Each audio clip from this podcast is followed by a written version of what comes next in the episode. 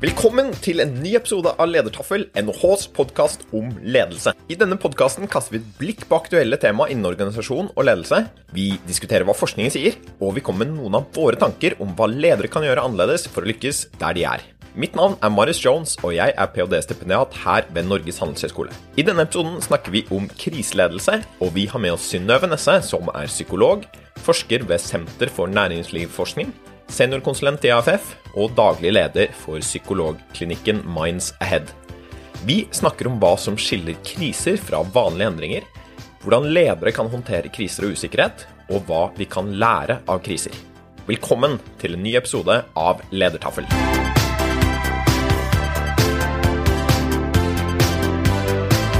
Vi skal snakke om krisehåndtering, og med oss så har vi deg, Synnøve Nesse, eh, som er psykolog, forsker ved Senter for næringslivsforskning, altså SNF, NHH.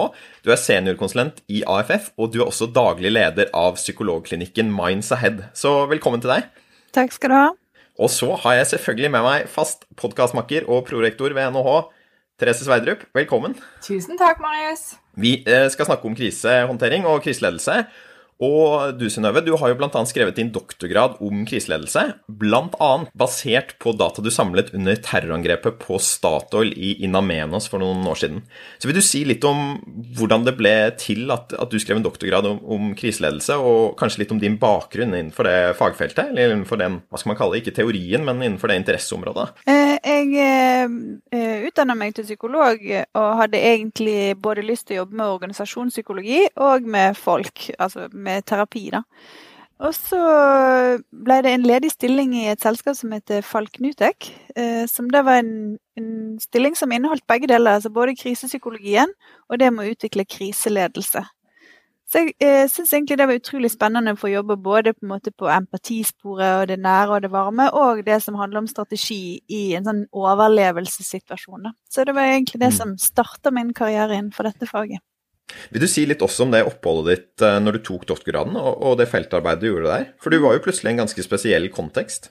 Ja, jeg begynte på en eh, næringslivsdoktorgrad. Eh, innenfor kriseledelse, og skulle egentlig eh, gjennom den, som var delfinansiert av eh, Equinor, eller den gang Statoil, og Forskningsrådet og Folknyttek.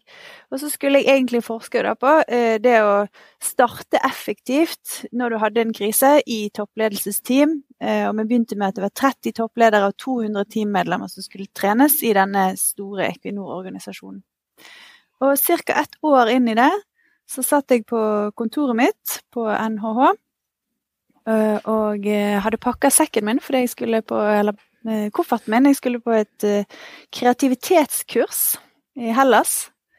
På en øy utenfor Hellas om kreativ skriving i doktorgradsarbeid. Og så kom mm. det en telefon fra en av topplederne i Equinor om at, de hadde, om at de var utsatt for et terrorangrep. Og om jeg da, som forsker på dette temaet, kunne tenke meg å komme ned og følge de underveis. Så jeg tok en rask telefon til eh, veilederen min, eh, Vidar Skei, og spurte hva han syntes om det, for det hørtes jo både krevende og um, vanskelig ut. Uh, og samtidig så var det jo en unik mulighet til å se på noe som kanskje ingen har gjort verken før eller senere, så studere ledelse innenfra under en sånn ekstrem hendelse. Så mm. han oppmuntrer meg til å la den eh, kofferten med sommerklær stå igjen, og reise til Stavanger eh, og følge egentlig kriseledelsen der istedenfor, da. Så da snudde det egentlig rundt hele doktorgraden min òg, sånn at jeg endte opp med å, å forske videre på de erfaringene fra de her ekstreme åtte dagene Eh, som den kriseberedskapen var organisert. Eh, og det ble en stor del av, av doktorgradsavhandlingen min, faktisk. Uh, ja, og det var jo veldig spennende for oss. Jeg har jo fulgt deg, Synnøve. Har jo tross alt vært kollegaen din noen år. Og, og, det å være til stede på den disputasen din, den gangen du la frem funnene dine, der du hadde egentlig de som du hadde fulgt under, under den beredskapen og, og, håndteringen av krisen, og se egentlig at det du hadde utvikla rammeverk eh, kjente de seg veldig godt igjen i. Og vi ble jo faktisk ganske rørt når vi satt der i en disputas. Det er ikke vanlig at man griner på en disputas, men det gjorde vi ganske mange. Du, du sa jo innledningsvis nå den der å balansere det varme Sant? Det å følge opp mennesker, empatien i det, men det å drive strategisk kriseledelse. Så kan ikke du snakke litt rundt det når du sier hva er en krise, og hvordan vi går inn i det å håndtere kriser rundt det? Mm. Jeg syns egentlig det er fint å bruke den eh, koronaviruspandemien som eksempel på hva en krise er, til forskjell fra andre kritiske hendelser. Eh, fordi en, eh, en krise den må inneholde både en hendelse og at de som skal ta imot, den organisasjonen som skal ta imot, eller det samfunnet som skal ta imot, ikke har kapasitet til å håndtere det. Så f.eks. et virus i seg sjøl, influensavirus eh, av forskjellig slag, det tåler samfunnet vårt, og det tåler institusjonene, som f.eks. et sykehus. Tåler det normalt, den kapasiteten, hvert år. Og så kommer det dette spesielle viruset, som er en hendelse som da tar liv, tar liv raskere, rammer en del av populasjonen, sprer seg veldig fort. Eh, og da samtidig som det er egenskaper ved viruset, sant? tidspress, det er store konsekvenser, det er usikkerhet rundt årsak, virkning og konsekvens, så har du også det at mottakerapparatet, altså konteksten dette skjer i, er ikke bygd for å håndtere det. Sånn, det er lett i dag å tenke at det er krise, jeg finner ikke mobiltelefonen min. på en måte. Men en krise i den forstand som jeg ser på det, da skal det både være en hendelse som er dramatisk, og det skal være et system som ikke er rigga for å ta imot. Så når koronaviruspandemien slo til, så viste det seg jo i første omgang det mest kritiske var jo det at eh, intensivplassene i Norge var for få. Sant? Testkapasiteten var for lav. Og vår forståelse egentlig som samfunn av hva en pandemi kan være, den var også lav. Så det er en kombinasjon av både den hendelsen og konteksten som skal ta imot, når det er mismatch mellom de to. Og Hvis vi da ser på det i Namenas-terrorangrepet, så er det jo òg det samme som skjer der. Altså Organisasjonen er rigga for å eh, Noe som næringslivet er kjent med. Sant? De er rigga for å, å, håndtere gisselsituasjoner. Eh, I dette tilfellet var de rigga for å håndtere opptil sånn, tre gisselsituasjoner på ulike plasser i verden. Og de håndtert, mm. eh, var rigga for å håndtere store eksplosjoner, faktisk. Altså, det er en del av den operative risikoen som de forstår og forbereder seg på. Men kombinasjonen av eh, det å være utsatt for en type gisseltakingssituasjon, og at det faktisk var 32 terrorister som angrep, parallelt med at de tok da i utgangspunktet 800 mennesker til fange, og dernest slapp fri en del, men satt igjen med 40, og så trua både menneskeliv og et anlegg, og var helt volatile i sin respons, det, det gjorde det til en ekstrem situasjon. da. Ja, nei, Jeg syns det er veldig interessant hvordan du sier det der. da. Eller at en krise er da en mismatch mellom hva vi er klare for å møte, og hva som faktisk skjer. Og at det krever noe ganske, kanskje noe annet av ledere enn det de vanligvis står i. Selv om på en måte verden består av endring og ting går opp og ned og alt mulig sånn, så er dette noe annet. Og jeg tenkte I denne podkasten tenkte jeg vi skulle snakke litt både om hva ledere kan gjøre når de forbereder seg til kriser, altså hva som skjer før krisen setter inn, det er kanskje noen viktige elementer her. Hva de bør gjøre under selve krisen, og også for å håndtere krisen i ettertid. da. Du var jo litt innom dette her, Therese, dette med det varme og det kalde. og Det er jo også noe du har skrevet en del om, eh, Synnøve. Det med at ledelse i krisetider både handler om dette med å løse problemer som virksomheten står i, altså disse kanskje kalde tingene, og også på den andre siden da, håndtere følelser, redusere usikkerhet og ubehag, da, som er kanskje disse varme tingene. Eh, hva tenker du det viktigste er ledere skal gjøre i kriser for å håndtere det, eller bør gjøre i kriser for å håndtere kriser? Jeg tror det som intuitivt alle forstår, er jo at ledere må løse oppgavene, altså løse de praktiske utfordringene i krise. Og det er nok ingen som ville stolt på en leder som kun fokuserte på følelser. Mm. Altså det, er på en måte, det er det veldig åpenbare. Men å da samtidig tenke at, eh, at, ledelse, at det er tilstrekkelig å løse oppgaven, det, det er der det da um, ikke alltid går helt riktig vei. Fordi at Eh, krise har flere komponenter i seg. Det ene er det substantive, altså det, det faktiske, det som skjer, som er observerbart. Men så skjer det noe inni oss ved alle kriser. For en krise tar ofte vekk fundamentale forestillinger om hva som, um, hva som er trygt og godt, f.eks. Vi antar i utgangspunktet at når du er norsk, for eksempel, så antar du at helsevesenet har kapasitet til å ta imot deg hvis du er veldig, veldig syk. Mm. Så hvis du da ender opp med at det systemet ikke har kapasitet til å ta imot deg, eller du blir redd for at ikke de skal ha kapasitet Vi ser mye av det Jeg forsker nå f.eks. For på forskjell mellom Norge og Sverige. Og hvis du ser i responsen på koronaviruspandemien i Bergen versus Stockholm, så er de som vi intervjuer deg i Stockholm, de, er, de, har vært redd for at ikke de skal få den helsetjenesten eh, som, som, de forventer seg. da. Og da må du både jobbe med det faktiske, sant? det å bygge opp kapasiteten, og med å, å jobbe med den eh, frykten som sprer seg for at institusjonen eller samfunnet, eh, rettsstaten, demokratiet skal ta vare på deg. Da. Så det, det er mer enn bare det faktisk om de klarer det, men også tiltroen til ja, at du blir ivaretatt. da. Hvis vi går kanskje litt inn på begge de to, da, vi kan kanskje snakke om de litt sånn hver for seg. Hvis vi først eh, snakker om dette varme, da, at dette er viktig å um, håndtere følelser og redusere usikkerhet og, og, skape tillit blant folk, hva tenker du er det viktigste ledere i virksomheter bør gjøre? Så her tenker jeg at det er lurt for oss her å ta et sånt næringslivsperspektiv, da, og kanskje tenke på alle de bedriftene som nå står i en krise. Hva er det lederne der bør gjøre for å på en måte ta vare på menneskene i en sånn krevende situasjon som vi står nå i? Eh, den første er at de aller fleste mennesker de reagerer ikke spesielt godt på å stå i usikkerhet. Det er ikke noe, det er ikke noe vi trives med.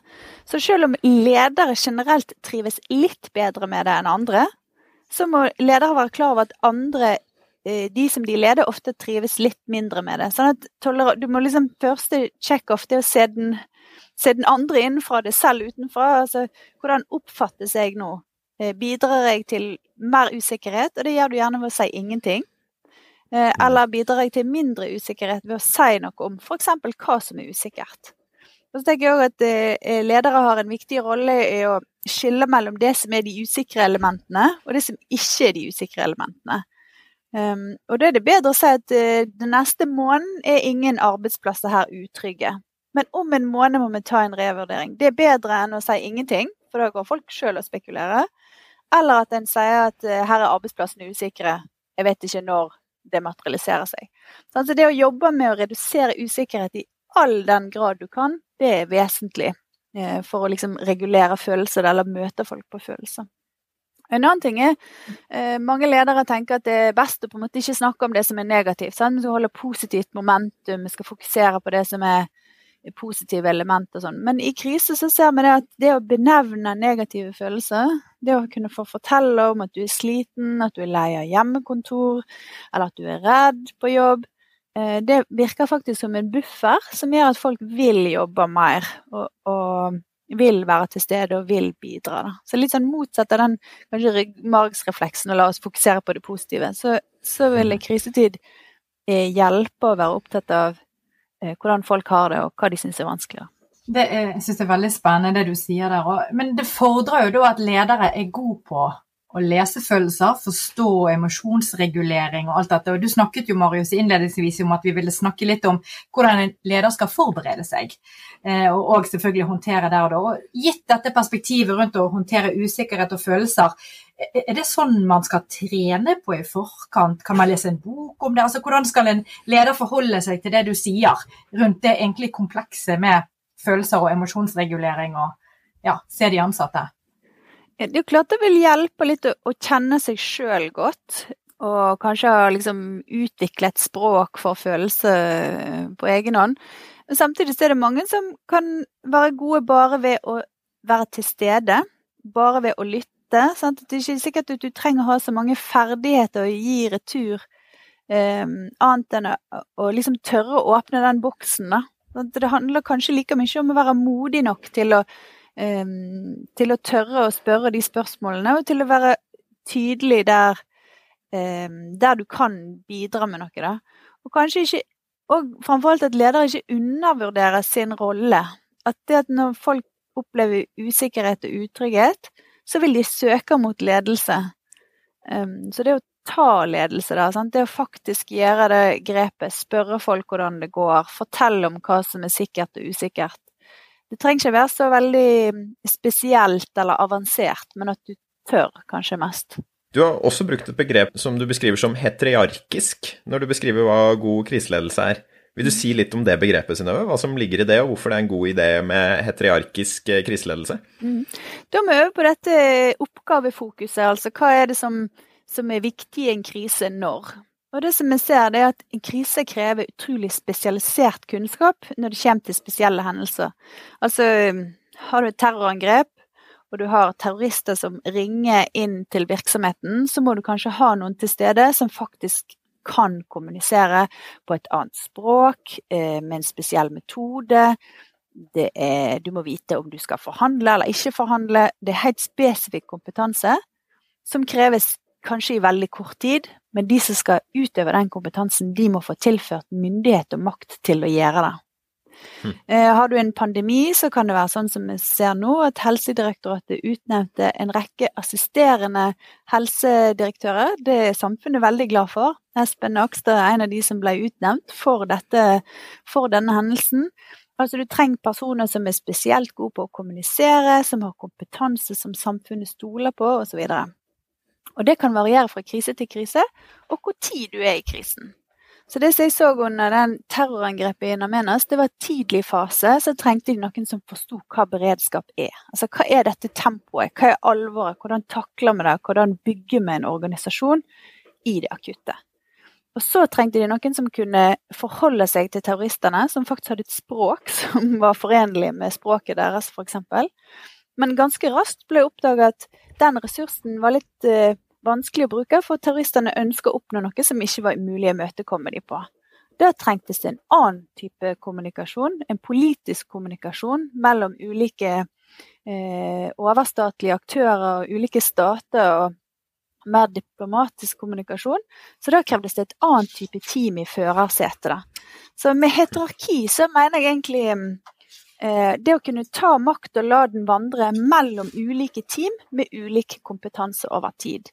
Eva Grinde i Dagens Næringsliv har kalt dette for 'ta den makt og la den vandre'-ledelse. På mitt fagspråk så blir det da ikke hierarki og ikke mm. anarki, men en krysning mellom da mm, formell ledelse og eh, mer dynamisk ledelse som er tilpassa situasjonen. Det der er utrolig spennende, og det gjør at vi blir veldig fleksible, virker det som. Eh, og spørsmålet i oppfølgingen blir jo når kjenner man at man må ta den makt og la den vandre, om hvem gjør det. Skjer det nedenifra? Kommer det ovenifra? Eh, kan du si noe om det? Det som jeg så som liksom var litt overraskende i forhold til tidligere forskning, for det har vært noe forskning som har pekt på at i krise så må du kanskje ha ulike team med ulike kompetanse. Det er noe amerikansk forskning som viser at det er litt som en kalenderluke. Sant? Du åpner én luke, og så åpner du en annen, men de er jo strukturert da, i forhold til dagene i kalenderen.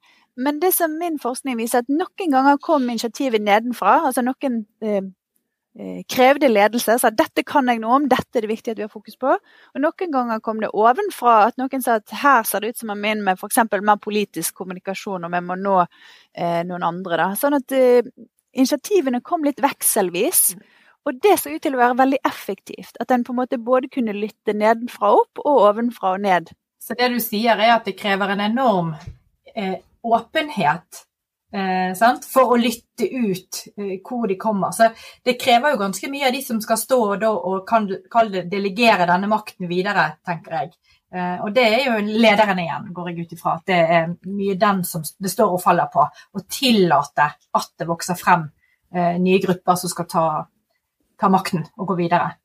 Ja, det krever en litt sjenerøs forståelse av ledelse. Jeg sier egentlig at en egen kompetanse å kunne gi og ta ledelse. Eh, mm. jeg, jeg, tror eh, Den ene studien så tror jeg skriver at du må gi slipp for å få kontroll. Sant? Eh, mm. Og det som òg er litt sånn synlig, det er at hvis du gir noen momentum og muligheten til å lede, og du gir dem masse frihet, så er ikke det sikkert du kan kontrollere dem akkurat når det passer deg. Sant? Du har, nett, du har nettopp bemyndiga dem. De har en kapasitet og en forståelse av situasjonen som kanskje ikke du har. Og Da må du nok også ha en slags tålmodighet eller kapasitet til å liksom stå i at du ikke har makten akkurat nå, og så kan du ikke ta den tilbake igjen akkurat når det passer deg, for da kan du ødelegge en, en prosess eller en kapasitet som du har bygd opp. Så det krever nok litt sånn fintfølenhet og, ja, og egentlig veldig mye forarbeid.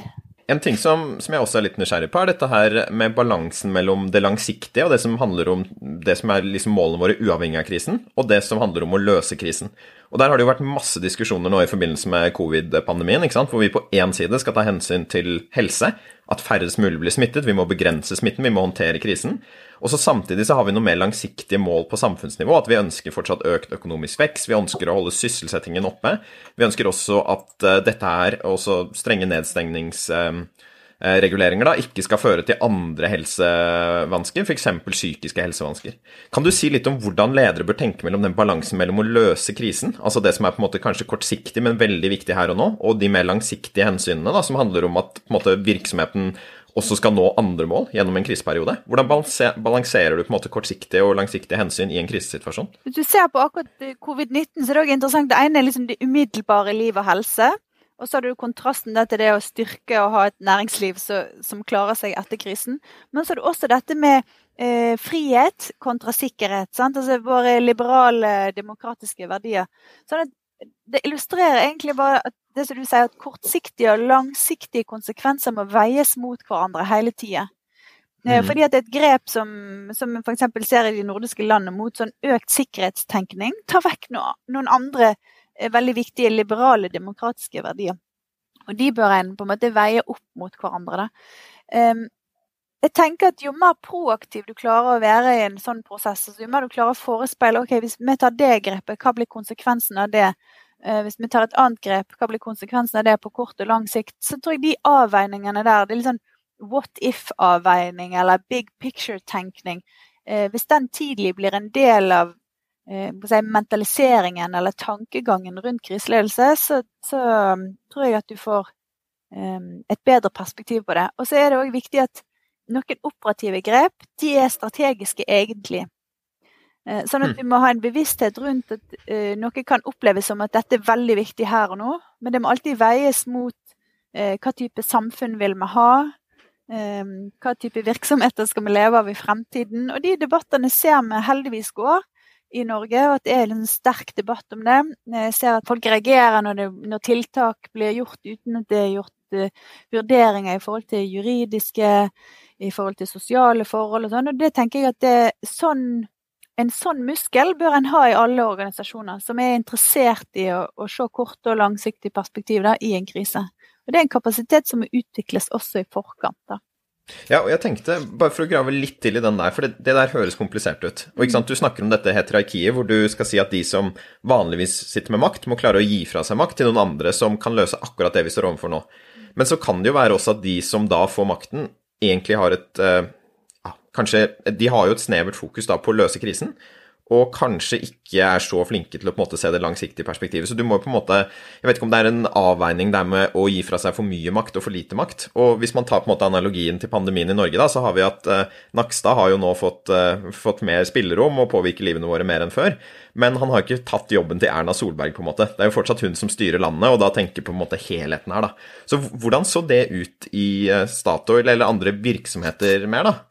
Hvis vi spør om det. Hvordan måte klarer man å ta den makt og la den vandre uten at det gir et fokus bare på å løse krisen, kontra de måte større strategiske linjene? Eh, jeg tror at det er veldig viktig at en har klare verdier i bunn, og ikke minst at en har trent i forkant på hvordan disse skiftene skal skje. Eh, mellom når en har operativt fokus og når en har andre fokus. Um, og så kan det være en operativ gruppe som jobber med et strategisk fokus. Altså når det strategiske fokuset er definert, da, la oss si at vi trenger å tenke mer på langsiktige demokratiske eh, verdier, f.eks. Da kan du nedsette en gruppe som jobber med det, som blir relativt operativ i forhold til å vurdere det. da. Eh, um, sånn at eh, jeg tror det er viktig å, å, tenke gjennom hva verdier skal styre oss. Det er ganske lett å utøve kriseledelse hvis verdihierarkiet er tydelig. Sant? Hvis vi mm. akkurat nå har et sentralt moment at vi skal redde menneskeliv, og det er høy prioritet, så forstår alle det. Det er jo litt sånn som vi så i begynnelsen av uh, koronaviruspandemien, at det var veldig sånn enighet om at dette tiltaket er riktig akkurat nå. Og så ser vi at noe begynner å vedvare, og da kommer andre motiv, andre interesser fram, og da må de Eh, avveies veldig nøye og tas, tas, ordentlig opp. Da.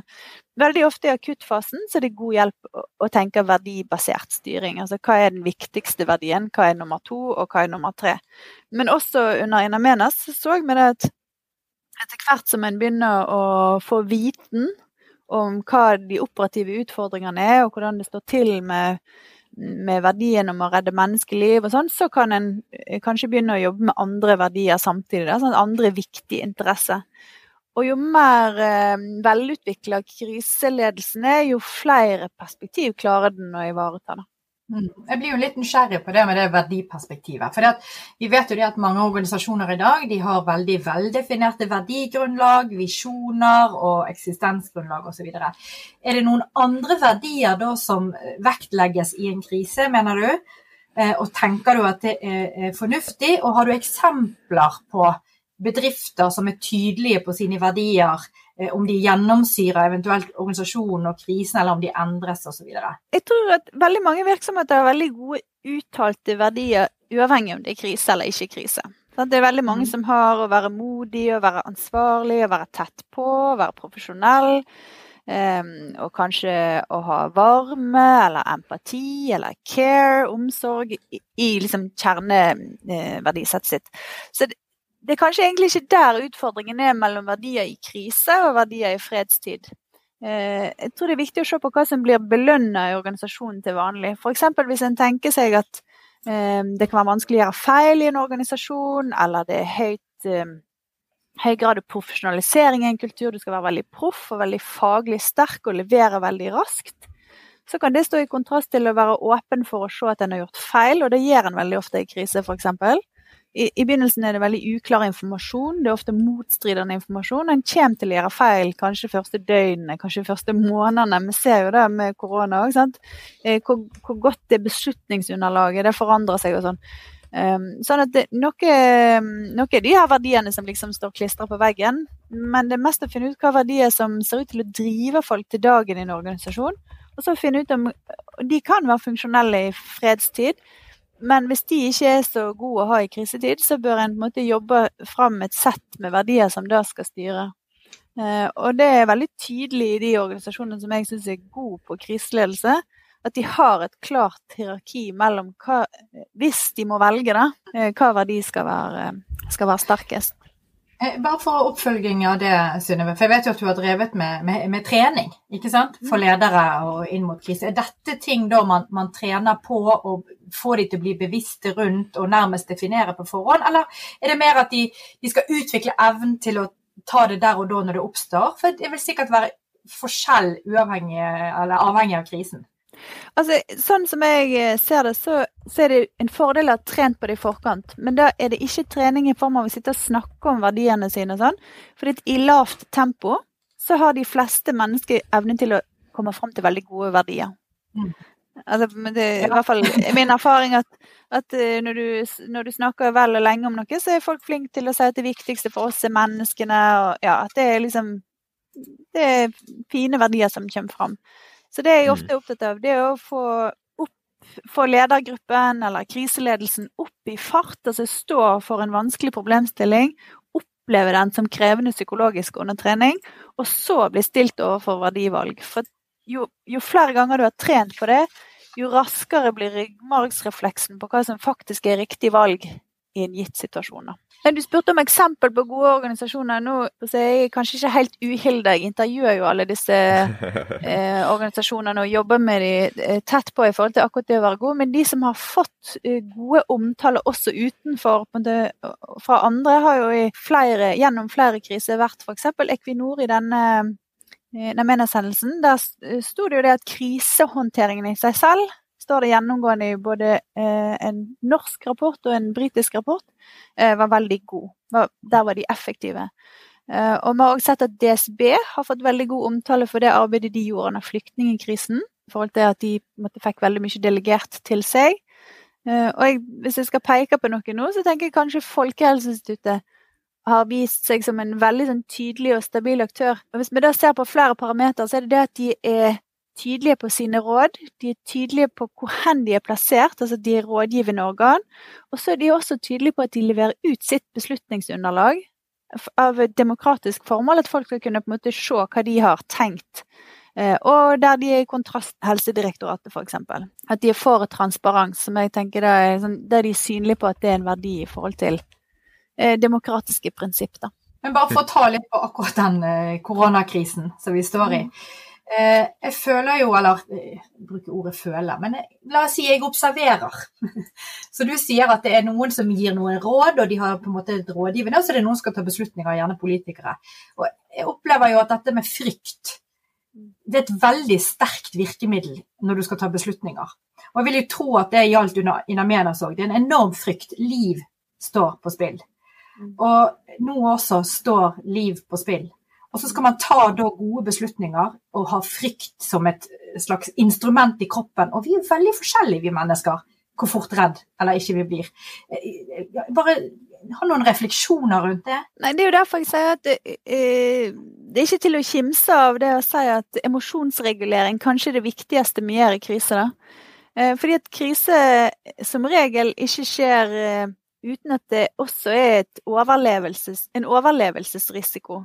Altså mm. Noe som har med det menneske, altså menneskelivsperspektivet og da kan det på en måte se litt kontrastfullt ut når en aktør går ut og sier vi må stenge ned alt og alle må bare være hjemme og dette er så farlig, og så sier noen andre da dreper vi næringslivet. sant? Um, det, det, er snakk om overlevelse i begge. Sant? Det er kort og lang sikt på overlevelse, og det er motstridende verdier. Hva, hva, er, vikt, hva er det viktig å ivareta? Det umiddelbare eller det fremtidige? Og da sier jeg litt sånn som det med, eh, med å forholde seg til barn. Hvis du er slem med dem akkurat nå, så hjelper det ikke om du sier at du skal være snill med dem om ti år. Altså, du, er faktisk nødt til å uh, møte den utfordringen. Altså, risikoen for tap av menneskeliv nå må møtes først. For ellers har ikke du tilliten uh, til de aktørene eller de som er redd for menneskeliv nå, om ti år, når du har reddet næringslivet. Um, som en langsiktig konsekvens. Så jeg tror det er liksom viktig å tenke at du må du må alltid i en krise også lykkes nå mm. med det umiddelbare. Og det er det handlingsrommet du også har. Sant? Du har bare det som du har nå. Så kan du lage en prognose for hvordan det vil gå med ting fram i tid, men det er veldig viktig å ivareta det som er, det som er umiddelbart i, i krise. Bare for å ta en refleksjon eh, rundt det, for det var gøy å høre at du studerer både det som skjer i Norge og det som skjer i Sverige. For jeg, Sett utenfra så kan det jo virke som at uh, i Sverige har de tenkt langsiktig på det økonomiske sant? i forhold til det Tegnell sier. Og det har vært masse tap av menneskeliv. Men likevel opplever vi at det er tillit i befolkningen til den håndteringen. Og det for meg virker underlig, da. Er det en historiefortelling de får til? Det, hvor ligger det ja, den konflikten som jeg syns jeg ser i det, da. Vi, har, vi, holder på med datainnsamlingen vår nå, men vi ser at tillitsbildet i Sverige er ganske likt tillitsbildet i mm. Norge. Det kan ha en sammenheng med en historikk av at de har veldig sterk tiltro til uavhengige faglige vurderinger. Eh, som de ser i Norge, så har vi da eh, Helsedirektoratet og eh, Folkehelseinstituttet og eh, Helsedepartementet og regjeringen snakker sammen. Sant? Og tydelig utveksler synspunkt. Mens i Sverige er det en annen modell der det er deres tilsvarende utgave av Folkehelseinstituttet med Tegnell som produserer beslutningsunderlaget. Og så tar stort sett regjeringen det til etterretning. Altså at det, de, det er sånn det fungerer der. Og det er liksom tillitsnormen deres. Men når det er sagt, så har jo svensk regjering vært tydelig ute og sagt at de har gjort noen feil. Eh, de har for dårlig kriseberedskap. De har for dårlig sånn, ja, evne til å omstille seg og, og, tenke annerledes i krisetid. Og det begrunner de med at de egentlig har holdt seg unna de store krisene. Altså, de har ikke fått opparbeide seg kriseledelseskapasitet. Eh, og det som de òg heller det ikke gjør i samme grad som vi gjør, det at de har ikke sentralisert deler av beslutnings... Altså det som er det overordnede beslutningen. Du nevnte, Marius, at at ja, disse ulike de FHI og Helsedirektoratet skal komme med råd, sant? men det er regjeringen mm. som skal tenke gjennom hva vekker frykt hos befolkningen. Hvordan stoler de på demokratiet? Hvordan ivaretar vi folk? Det, det, er den overordnede beslutningsmyndigheten sitt ansvar, og det er regjeringen i Norge. Men det er også regjeringen i Sverige. Men så har de ulik vane for dette. Og vår læring i Norge kom jo eh, av en forferdelig opplevelse eh, med 22. juli der en på en måte skjønte at en måtte styrke den sentrale og overordnede kapasiteten i Norge. Og noe tilsvarende har ikke skjedd i Sverige i helt nyere tid. Vi må snakke litt mer om det, tror jeg, sånn med hvordan man kan bygge motstandsdyktighet. Og så er det et ord som vi har brukt litt, som jeg er litt nysgjerrig på, som vi kanskje kan pakke ut litt til, for det høres ganske viktig ut. Og det er det med emosjonsregulering. For det høres ut som det er noe vi skal drive med i krisetider, og at det er viktig at ledere får til med det. Og Da lurer jeg litt på egentlig to spørsmål da, om uh, hva som er god emosjonsregulering. Og det første er hva er det vi egentlig prøver å få til når vi driver emosjonsregulering? For på én side så kan det høre om som vi prøver å roe folk ned, altså at vi prøver at vi går ut, vi ser at folk er redde, og så prøver vi å si et eller annet eller gjøre et eller annet så de slutter å være redde på en måte, og er litt rolig isteden. På én måte så kan man tenke at det er bra, men på en annen måte så kan det hende at frykten faktisk har noe klokt i seg også, da. Og det har jo vært et fokus for norske helsemyndigheter at folk ikke skal bli um, for uredde heller. ikke sant? Litt frykt kan være veldig sunt, for da passer vi oss litt. Og kanskje det gjør at vi blir enda mer fokusert også i beslutningstagingen vår. Det vekker litt måte aktivering som gjør at vi blir enda mer på. Så jeg lurer litt på hva er det du egentlig prøver å få til når du driver emosjonsregulering? Og det andre er hvordan ser det ut når man holder på med det i praksis? Altså hvilke virkemidler har man for å drive emosjonsregulering både av seg selv og av sine medarbeidere da, som leder? Jeg må bare si først at det ordet på norsk emosjonsregulering er ikke så godt, for egentlig er det eh, Hvis jeg skulle funnet et annet ord på engelsk, så hadde jeg sagt emotion management.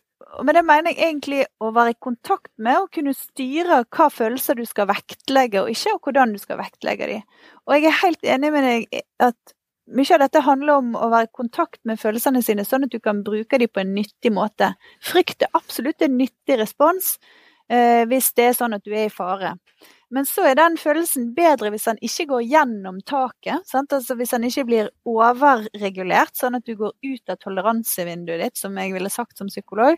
Um, der du på en måte den frykten paralyserer deg. Så du vil ha en frykt som samtidig gjør deg i stand til å gjøre det som er riktig, som da kan redde livet ditt, eller gjøre at du kan leve et normalt liv. Så f.eks. i pandemisammenheng så vil det være være fryktstyrt, og da bestemme seg for å ikke bevege seg, ikke være ute, være redd når du ser nyhetene på TV. Eh, det vil være en liksom negativ aktivering av frykt. Men hvis frykten er akkurat passe regulert, så kan det hende at du bestemmer deg for å ha begrensa med nærkontakter, men likevel ha det hyggelig med de du er med. At du slapper av når du vet at du sitter i god nok avstand, eh, eller står i god nok avstand. Og at du liksom følger de eh, reglene som er kommet, og gjør det godt nok. Sånn at du, frykten er der. Det er ikke sånn at du bare gjør det fordi at du fordi at du må, men du har en sånn følelse av at dette jeg vil unngå å få og spre dette viruset. Um, men ikke så masse at du blir paralysert eller liksom ikke får, får oppnådd andre ting du ønsker deg. da. Og, og Hvordan ser det ut når, når på en måte ledere er rundt i organisasjoner og prøver å sørge for at disse følelsene holder seg på et nivå hvor de er nyttige, men ikke sklir ut allikevel? Hva er det man gjør da, konkret? Det Eh, det jeg tenker som er da lederen sin kapasitet når det kommer til liksom emosjonsregulering, det er egentlig å være godt kjent med ambivalente følelser i seg sjøl. Så istedenfor å være god på å regulere ned frykt, så kan det være at du samtidig kjenner på frykt og eh, på håpløshet. Eh, og på 'dette skal vi klare'. Sant? At du kan, kanskje du klarer å ha mange følelser samtidig, og så tenker du hvordan formidler jeg budskap som både mm, klarer å liksom speile og validere dette er vanskelig, og nå, eh, nå, er jeg sliten og lei meg og kanskje litt redd. Eh, og samtidig klare å tenke at ok, men med de rammene her da, og med de tiltakene her, hva er det fortsatt hyggelig? Eh, hvor kan jeg eh, hente litt energi? Eh, hva deler av strategien vår kan vi fortsatt oppnå, f.eks.? Altså det å klare å liksom tenke ja, Søke etter nye muligheter, f.eks. Kult. Vi har eh, snakket en del nå både om på en måte hva organisasjonen kan gjøre for å forberede seg på kriser, og snakket litt om krisehåndtering, eller kriseøvelse. Og så har vi snakket litt om det som skjer, eller vi har kanskje snakket mest da, om det som skjer under en krise, og hvordan ledere kan håndtere det. Etter hvert så kommer man jo også ut av kriser, forhåpentligvis. Og det er sikkert noen viktige ting da også, da, for å klare å, å, lande det på en god måte, og kanskje også trekke læring ut av det som har skjedd eh, i en krise. Hvordan ser et godt etterarbeid ut etter en krise? Ja, der, det sitter jeg og jobber litt med nå. for en av de tingene som jeg oppdaga veldig tidlig i fase med koronaviruspandemien, det var at eh, det så ut som en del eh, virksomheter bare forlot roret og forlot samfunnsoppdraget det øyeblikket de eh, ble møtt med tiltakene for korona. Og En av de som jeg har vært ute og tydelig kommentert etterpå, det er psykologene i offentlig sektor, som på en måte stengte kontorene sine. og Det gjorde òg barnevernstjenesten. Um, og for meg da, som har privat psykologkontor, så ble det jo mer nedringt. Vi hadde jo selvfølgelig videokonferanseløsning og kunne ta imot pasientene våre som vanlig, og ta imot et par ekstra. Men da blir det første målekriteriet mitt for det ettertidsarbeid, på sånn mer sånn virksomhetsnivå, det at du må kunne klare å ivareta samfunnsoppdraget ditt og eller kjernevirksomheten. Altså det som gjør at din forretning eh, går rundt. Så hvis et målekriterium nummer én er det, så vil jeg tenkt at det er liksom det er primæroppgaven. Og så blir neste oppgave da selvfølgelig å håndtere liksom det krisespesifikke. Og det å klare å sette en gruppe til å, til å håndtere det som handler om f.eks. tiltak og tiltakstilpasninger uh, og ja, spesielle ting som er knyttet til akkurat den hendelsen som skjer, da, enten det er den ene eller den andre eh, typen krise. Da. Og så blir det tredje elementet som jeg har blitt spesielt opptatt av nå når du har en langvarig krise, som også eh, henspeiler på det å ta i bruk helt nye metoder. Veldig mange har brukt helt andre digitale samhandlingsverktøy og sånn. Og det mm. å ikke kapitalisere på det i form av å innovere eller tenke nye praksiser, det tenker jeg òg vil være en sånn negativ utfall av en krise. Så lykkes med samfunnsoppdraget eller opprettholde inntjenings... Sånn, verdi, de sentrale delene av verdikjeden sin, det å lykkes med selve krisehåndtering, altså det umiddelbare som skjer, for eh, får ramma inn eller romme den hendelsen som skjer. Og så er det tredje å faktisk eh, gjøre mer enn å ta lærdom i form av å skrive nye beredskapsplaner eller nye prosedyrer, men faktisk ta lærdom om har vi utvikla en ny kapasitet i vår virksomhet nå som vi kan bruke til å eh, tilby en bedre tjeneste eller eh, få en ny kundemasse eller ekspandere inn i et nytt marked, eller forbedre våre prosesser, det er, det er liksom de tre hovedkriteriene jeg ser. da. Bare sånn oppfølging på det med hva vi kan lære av kriser. For dette er jo litt sånn når du beskriver god kriseledelse, Synnøve, så slår det meg litt at dette høres ut som ting som er god ledelse, altså i flere situasjoner. Dette må være åpent, kommunisere tydelig, være mer lyttende på medarbeidere, kanskje tåle mer åpenhet rundt f.eks. følelser. Um, også det å dele makt. Da. Det høres ut som ting som kanskje mange organisasjoner trenger, da, helt uavhengig om det er en krise eller ikke. Så tenker du at det er noen lærdommer der også? Er det sånn at når man går ut av en krise, så bør man kanskje tenke seg om er det noe av det vi har gjort nå som faktisk vi bør ha med oss inn da, når det kommer til akkurat det med ledelse? Jeg har egentlig sett mange ganger at det som jeg ser i krise, det er mye mer av det samme. Altså det er en slags, det er en slags vanlig ledelse på, uh, på speed. Uh, men det som er litt viktig, det er at det er viktig å ikke skape krise der det ikke er krise. Sant? I den daglige og vanlige ledelsen, hvis den, eh, hvis den, fungerer sånn som man skal, så er det ikke vits i å gjøre den til en type kriseledelse. Der, sant? Ikke rope ulv når det ikke er ulv. Og det å være liksom var for at kriseledelse gir veldig mye informasjon om hva som er god ledelse i endring og omstilling og eh, kanskje i innovasjonssammenheng, så er det samtidig sånn at øh, det trøkket kriseledelse krever, det ville, hvis det pågikk hele tida, sannsynligvis brent folk ut og brent organisasjoner ut. Sånn, ja, vi kan hente noe utrolig fin lærdom fra det. Og så må den kanskje porsjoneres og skru sammen litt annerledes i, i hverdagen, da. Ja, for det, dette minner jo meg på, Vi er jo med i et forskningsprogram Synnøve Race, sant? med radikal teknologidrevet endring i store virksomheter. Og vi snakker ofte der om at for å få folk med, så er det sånn sense of urgency. Skape en følelse i bedriften av at oi, nå er det krise. Mm. Eh, og hvordan gjør man det? Altså Kan man da kapitalisere på at man har vært gjennom en krise tidligere, og gjenskape følelser av at husker dere hvordan det var? Og nå når man skal inn i et mm. nytt endringsarbeid, kan man, tror du, at bedrifter kan profitere på det? Og, og, her er det jo noe som er felles for oss alle med, med koronakrisen. Hvordan i så fall skulle vi klart å overføre det? Mange gjør seg masse lærdom, f.eks. at det er positivt å møtes og samhandle og ha det hyggelig i korte sekvenser, ikke kun snakke om eh, og ikke kun snakke om måte, det vi skal produsere. Eh, jeg ser at folk har stor glede av å jobbe i høy fart, eh, og det går an å ta med seg videre. Og det kanskje viktigste jobben blir mer det strategiske arbeidet med å velge ut hvor hen skal vi ha høy og lav fart, hvor hen skal vi ta denne lærdommen inn. Mm, jeg har skrevet om tidligere at kriseledelseskapasitet kan bli til en endringskapasitet. Um, og jeg tenker at det er litt det tredje momentet som jeg sa, liksom, tredje måten du kan hente ut en effekt av en krise, det er å se hva som kan, kan bli en kapasitet. Så det tror jeg er relevant. Og jeg ser nå når jeg ser på og det ser jo det òg på, uh, Therese, dette med agilitet. Nå ser jeg spesielt på lederrollen.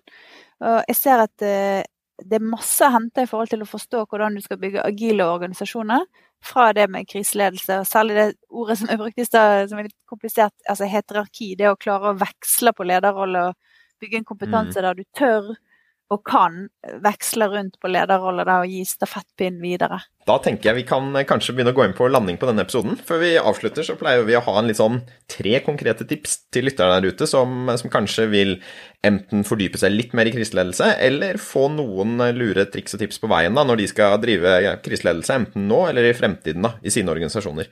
Så hva tenker du, Synnøve? Hva er de tre viktigste tingene som ledere bør tenke på når de skal eh, prøve å utøve kriseledelse? Det første er litt tilbake til noe av det første vi snakket om. Det å være klar på verdiene sine. Eh, og ha liksom trent på de under litt press for å kjenne hva er det da jeg styrer etter, og hva styrer da mine medarbeidere etter. Det kan jo hende at de styrer seg noe annet. Så det å øve under press.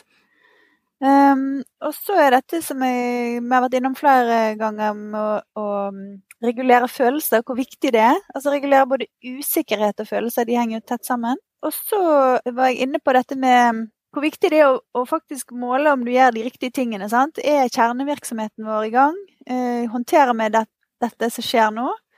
Og ikke minst ta med ut noe læring, eh, og særlig i vår tid. Altså, rett og slett innovasjonskapasitet. Altså, ta med oss noe som kan, som kan bidra til virksomheten på lang sikt. Og så tror jeg det er utrolig viktig å være ydmyk i en krisesammenheng. For det du gjør i en krise, får alltid konsekvenser for noen. Så det å ha liksom bevissthet rundt det, dilemma og etikk og sånt, tror jeg er viktig. Jeg syns det var veldig fin oppsummert. Og jeg likte jo òg det du sa, Synnøve, så jeg tror vi må ha med oss dette her. Å håndtere usikkerhet og være ærlig og tydelig på at vi ikke alltid vet alt.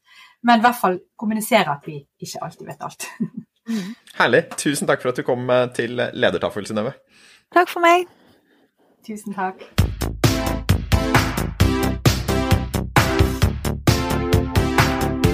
Du har nå hørt en ny episode av Ledertaffel, NHHs podkast om ledelse. I studio i dag var Synnøve Nesse, Therese Sverdrup og meg, Marius Jones. Om du vil vite mer om hva vi holder på med på Norges handelshøyskole, så finner du oss på nhh.no, og ved å søke på NHH på Facebook.